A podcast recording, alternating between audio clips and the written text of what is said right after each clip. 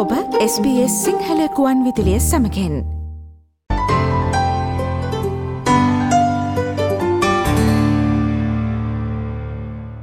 ඔස්ට්‍රලියාවෙන් පාර්තාාවන කාලින වැදගත් තොරතුරු ඇතුළත් කාලින විශෂංගෙන් අද දවසේදී ඔස්ට්‍රලියාවේ මේ වන විට පවතින ශීත කාලගුණ තත්ත්වය හේතුවෙන් ආසාධිතින් ඉහළයාමත් සමඟ COVID-19 සහ උන එන්නත් ලබා ගැනීම සම්බන්ධයෙන් වන පනිවිඩය ජනතාවට ලබාදීමට සෞඛ්‍ය විශේෂඥයෙන් ක්‍රියා කිරීම සහ COVID-19 හි නව ප්‍රබේදයක් වික්ටෝරයා ප්‍රාන්තයේ ප්‍රධාන COVID ප්‍රබේදය බවට පත්විය හැකි බව ප්‍රාන්ත සෞඛ්‍ය බලධහරින් පැවසීම පිළිබඳව තොරතුරු ඔබට ගෙනෙනවා.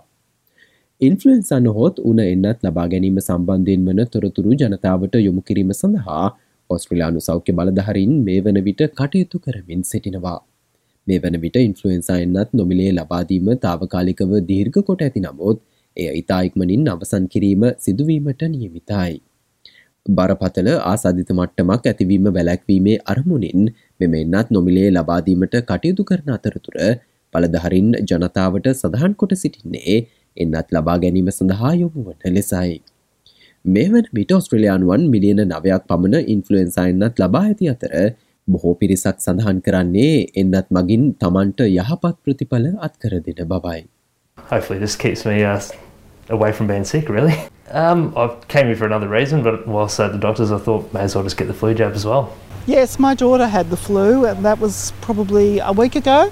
And she, we haven't seen her because she's had to isolate with children and partner. So yeah, it hasn't been good. And she hasn't had the flu vaccine. She is a care worker, and she said it's the first time I've had the flu, and it was awful. And it was like having COVID over again. Um, some friends have gotten sick with a weird cold, weird flu, something like that. I, have heard like a flu's been going around, uh, but I haven't gotten it, so I've heard it's a bit bad, but nothing too serious from anyone I know. So.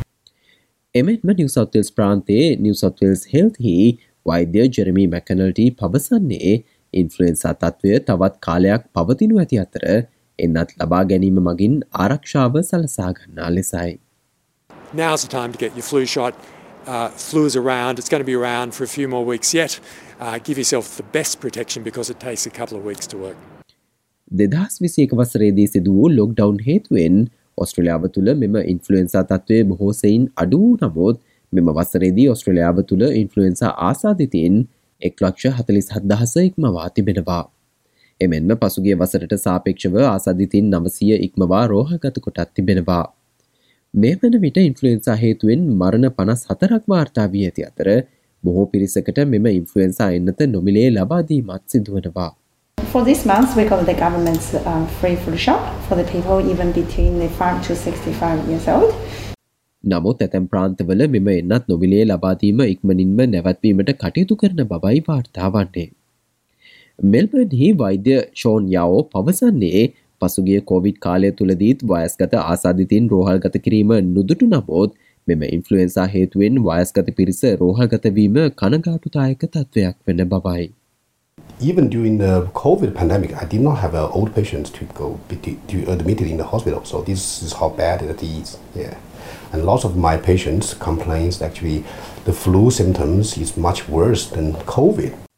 ඉන්ෆලුවෙන්සා COVID-19 සමඟ සංසරණය වන අතර උන එන්නත ලබා ගැනීමට අමතරව අසනීප නම් නිවසේ සිටීමට කටයුතු කරන ලෙස වෛද්‍ය ෂෝන් යාවෝ ජනතාවකින් ඉල්ලා සිටිනවා.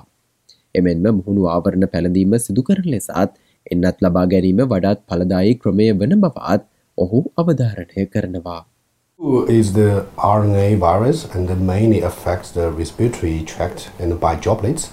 And because of the open border, they actually cause a high spikes from from tens of cases in early May to now. I think the number is ninety thousand in whole cross country.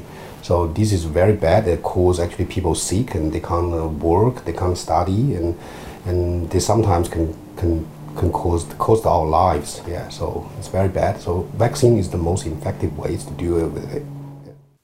දැන් අපි Victoria ප්‍රාන්තය දෙසට අවධානය යොමු කළොත් නැගෙනහිර ඔස්ට්‍රලියාවේ සිට ව්‍යාප්ත වන නව කෝවිඩ් ප්‍රබේදයක් වික්ටෝරයා ප්‍රාන්තයේ ප්‍රධානතම කෝවිඩ් ප්‍රබේදය වනු ඇති බව ප්‍රාන්ත සෞඛ්‍ය බලධහරින් පවසනවා.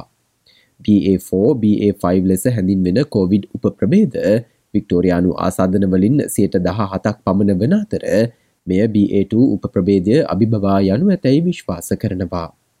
වික්ටෝරයානු ප්‍රධාන සෞඛ්‍ය නිලධහරී බ්‍රෙට් සටන් පවසන්නේ ප්‍රාන්තයේ මෙට්‍රොපොලිටන් සහ ප්‍රාදේශය අපජල පද්ධතිවලින් ඔමික්‍රෝන් උපප්‍රබේදවල අංචු හමු ඇති අතර මේවායෙහි මෑත සතිවලදී දැඩි ඉහළයාමක්ද දක්නට ලැබෙන බවයි. එමෙන්ම කෝවිඩ් එන්නත් මගින් ලබා දෙන ප්‍රතිශක්තියත් මගහැරීමට මෙම උපප්‍රබේදවලට වැඩි හැකියාවක් පවතින අතර රෝහල්ගතවීමද වැඩිවීමට හැකියාවක් තිබෙන බවත් ඔහු පවසනවා. ඉහළ යන ආසදන සංඛ්‍යාව නිවසත්වය සහ වීස්ලන්ත ප්‍රාන්තවලට සමාන රටාවක් ගැනීමත් මෙහිදී දක්නට ලැබෙනවා. මෙම සතියන්තයේ මේ දක්වා ඔස්ට්‍රලියාව පුරා නව COොVID-19 ආසාධිතයෙන් හතලිස් හතර දහසකට වඩා වැඩි සංඛ්‍යාවක් සහ මරණ අසුවක් වාර්තාාවී තිබෙනවා. මේ අතරම වයසවුරුදු දෙකට වඩා අඩු ළමුන්ට ආසාධනය වන ශ්වසන පද්ධති ආශ්‍රිත ආසාධනයක් වන RSV වෛරසේ වැඩිවීමක්ද දක්නට ලැබෙන බවයි ඔස්ට්‍රලයානු සෞඛ්‍යංශ සඳහන් කරන්නේ. ඔස්ට්‍රලයාාවේ COොVID-19 හා සම්බන්ධ නවතම තොරතුරුව ඔබට ස්පේ සිංහල සේවේ වෙබ් අඩවියෙන් දැනගත හැකි. ඒ සඳහා ස්පස්.com.tu/ සිංහල වෙබ් අඩවී වෙත ගෝස් ඉහලි නැති කොරුණා වෛරසය හා සම්බන්ධ තොරතුරු යන කොටස මත්ය කලික් කරන්න.